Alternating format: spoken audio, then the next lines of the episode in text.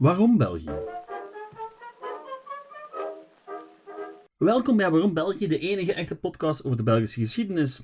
En vandaag zitten we de voorlaatste versnelling in richting de Belgische Revolutie.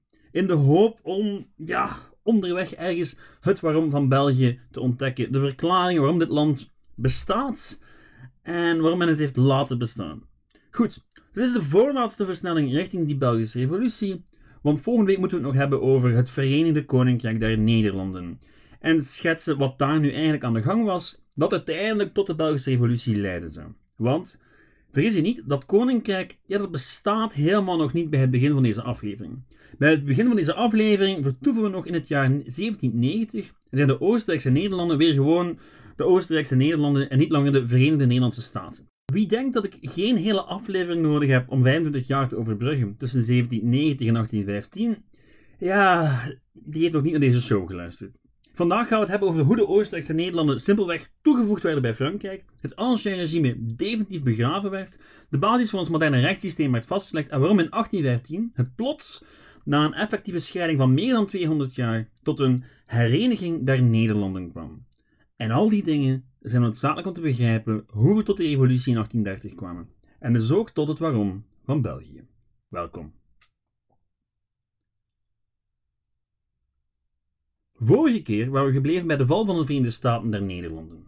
In 1790. Om ons verhaal verder te zetten moeten we ironisch genoeg een klein beetje terug in de tijd. Terug naar 1789 om precies te zijn. Terug naar de Franse Revolutie. Niet in detail, want het gaat al traag genoeg, maar toch een beetje. Waarom? Wel, de Franse Revolutie die gaat wat alles in Europa op zijn kop zetten. In de jaren 80 van de 18e eeuw kwam dat koninkrijk in financiële problemen, als gevolg van economisch wanbeleid en natuurlijk een teveel aan oorlogen. Uiteindelijk zat voor Lodewijk XVI niets anders op dan de standen bijeen te roepen om grootschalige hervormingen door te voeren. In de 18e eeuw echter had dat verlichtingsdenken bij heel wat burgers in Frankrijk en zelfs bij een deel van de adelende klerus het idee doen spruiten dat al dat gedoe met standen en een door God gezonde vorst niet meer van de tijd was. Uiteindelijk, en met de steun van de bevolking van Parijs, werd de standenvergadering omgevormd tot een soortement van parlement dat de grondwet zou proberen uitwerken. En dat werd een parlement waarin die oude standenopdeling plots niet meer gold. Nu, oké, dat klinkt waarschijnlijk niet altijd spectaculair, maar geloof mij vrij.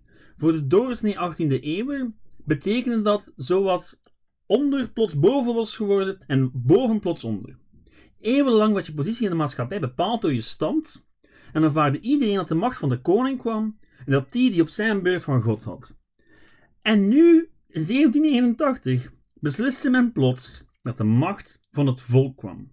Van almacht van God en staat gingen we plots naar vrijheid, gelijkheid en broederschap. 1789 was enkel het begin en de revolutie zou in de jaren die volgden radicaliseren. Om uiteindelijk na het nodige bloedvergieten uit te monden in een meer gematigde republiek, waarvan Napoleon uiteindelijk de controle nemen zou en keizer zou worden, maar dat is voor later. Belangrijker voor ons is het niet onbelangrijke feitje dat de Franse revolutie geen louter interne affaire was. Nee, nee, de revolutie zou ook geëxporteerd worden. En kan u raden wie de eerste gelukkige slash slachtoffer was? Juist, de pas herstelde Oostenrijkse Nederlanden. Die eerste invasie in 1792 was een groot succes, maar een jaar later werden de Fransen alweer buitengeveegd. Tot ze terugkwamen in 1794. En dan bleven ze 20 jaar lang, tot 1814. Initieel zagen die Fransen zichzelf als bevrijders en hadden ze zogezegd geen intentie om nieuw territorium te annexeren. Maar dat deden ze natuurlijk wel. Andere bezette gebieden zoals Nederland en Italiaanse stadstaten, dat werden republieken. Maar niet de Zuidelijke Nederlanden. De Zuidelijke Nederlanden, dat werd geen vazalstaatje. Nee, heel wat oud van de, van de Brabantse omwenteling hadden gehoopt dat ze een nieuwe kans zouden krijgen. Maar dat gebeurde niet. Want de Zuidelijke Nederlanden, die werden gewoonweg geannexeerd. En het Frankrijk waar ze plots deel van uitmaakten, ja, dat was geen monarchie meer, maar een republiek. Een republiek die sinds de laatste bezetting wel wat had meegemaakt, maar in 1795 leken de dingen te kalmeren en was het tijd voor verregaande hervormingen. Hervormingen die veel impact zouden hebben op wat we vandaag België noemen. Zo werden de staten bijvoorbeeld afgeschaft en het territorium opgedeeld in negen departementen. En die negen departementen zouden later negen provincies worden. En hun indeling werd behouden tot de dag van vandaag. Ja, Natuurlijk als uitzondering de opsplitsing van, van Brabant en Vlaamse Waals-Brabant, maar dat is een heel erg Belgisch dingetje. Nu in elk geval, feit is dat in 1795 was het van de ene dag op de andere gedaan met al die instellingen die dat gebied eeuwenlang bestuurd hadden. Plots waren al die instellingen die al bestonden van, van sinds de middeleeuwen, die waren weg. De staten waren gewoon verdwenen. Laat me hier even pauzeren om mijn update te geven over Luik. Want, lieve mensen, dit is het moment waar Luik niet langer de uitzondering is, maar gewoon een van de andere departementen slash provincies wordt van België. Ik was het vergeten te vermelden vorige week, maar je had in Luik ook een revolutie. En net als in Luik werd die ook onderdrukt. En nog maar net herstelde prins Bisschop van Luik, ja, die gaat door de Frans ontroond worden. En Luik gaat gewoon onderdeel worden van de Zuidelijke Nederlanden. En dat is echt het einde van Luik als uitzondering. Al komen ze wel nog even terug bij de Belgische Revolutie. Maar dat is voor later. Terug naar Frankrijk. Het bleef niet bij territoriale hervormingen.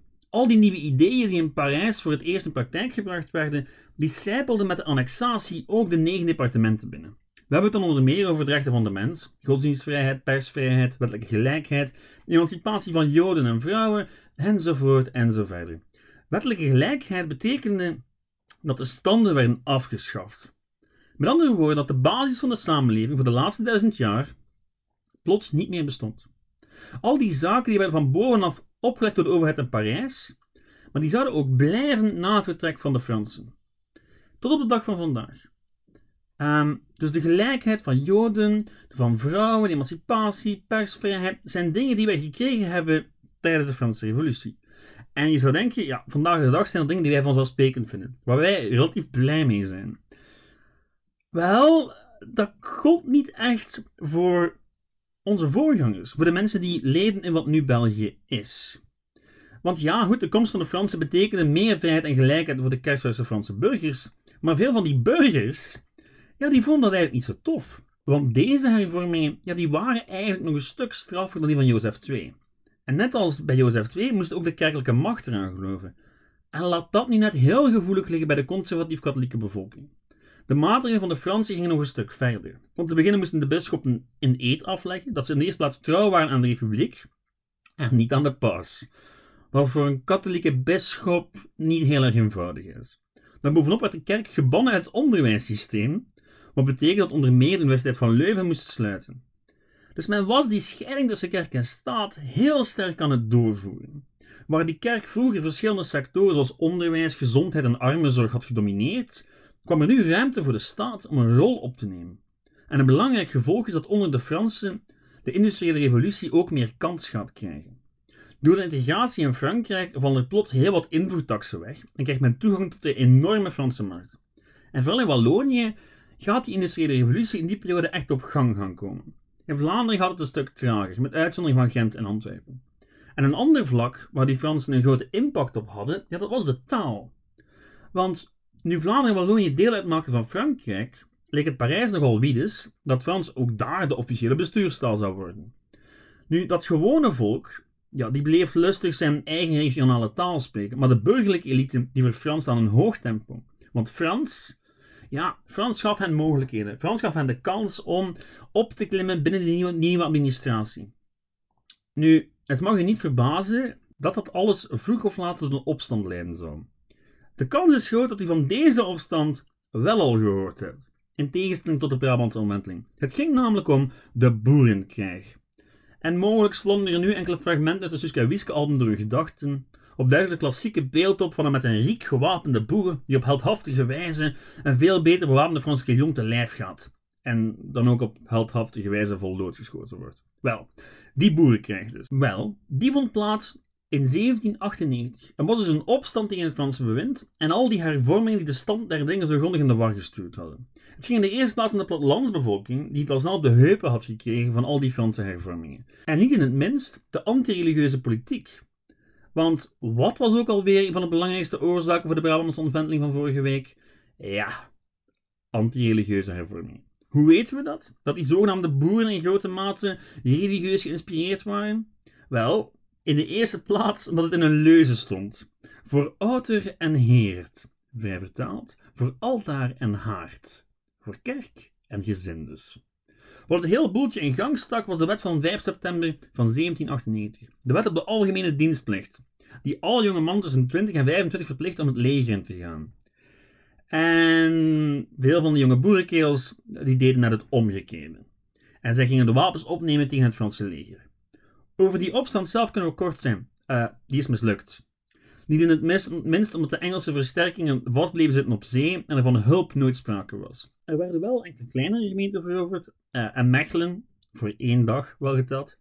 Um, maar goed, dat, dat gewapende conflict begon op 12 oktober, was op 5 december al zo goed als afgelopen. Maar, hoor ik wel afvragen, waarom heb je er nu tussen gewurmd, als het eigenlijk toch gescheten in een fles was? Wel, omdat het nog maar een teken is dat de bevolking het ooit België worden zou aan het eind van de 18e eeuw weinig ophoudt met ideeën zoals democratie, burgerrechten en de scheiding der machten. En omdat de naklank van de boerenkrijg veel verder reikte dan de eigenlijke gevechten. Net als de Gulden Sporenslag zou de boerenkrijg in de eerste decennia van het jonge België tot epische proporties verheven worden. Terwijl beide ja, in werkelijkheid weinig meer dan historische akkefietjes waren, tot een hoger niveau verheven door romans van, jawel, Hendrik Conscience. Want net als bij de Gouden Sporenslag, ja, dat jonge België, dat had nood aan helden. En de romanciers en schilders allerhande, die werden betaald om die kleine historische akkefietjes een beetje op te blazen tot glorieuze Belgische geschiedenis. Nu, dat is voor later. Laten we eerst even kijken naar de Franse bezetting en de poort openen voor het Verenigde Koninkrijk der Nederlanden. De Republiek werd uiteindelijk vervangen door het keizerrijk met aan het hoofd een zekere Napoleon.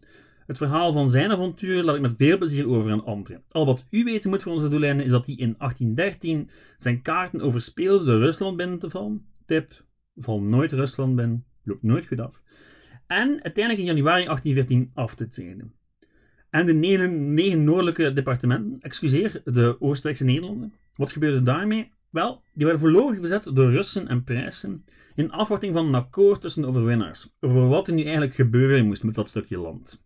En in dat ja, landje zelf waren de meningen verdeeld. De minderheid wou de aanhechting bij Frankrijk, anderen wouden terug naar Oostenrijk en nog anderen ja, die zagen een hereniging met Nederland wel zitten. Maar niemand, echt niemand, dacht aan onafhankelijkheid.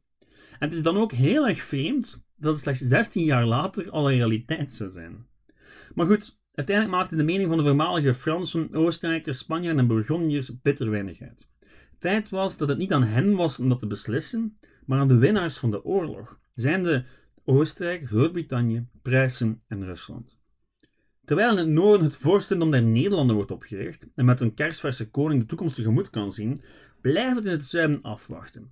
Wachten op iemand die het wil. Wil? Ja, ja, wil. Geen zever. Want één voor één haken de gegadigden af. Niemand wil dat stukje land eigenlijk. Oostenrijk ziet niet meer zitten om nog eens bezit te nemen van een gebied dat het in de eerste plaats nooit gewild heeft. Pruisen kiest al heel snel verboeiender territorium aan de Rijn. En dan komt er een voorstel binnen van Willem I, de nieuwe koning van Nederland, om de Nederlanden te herenigen.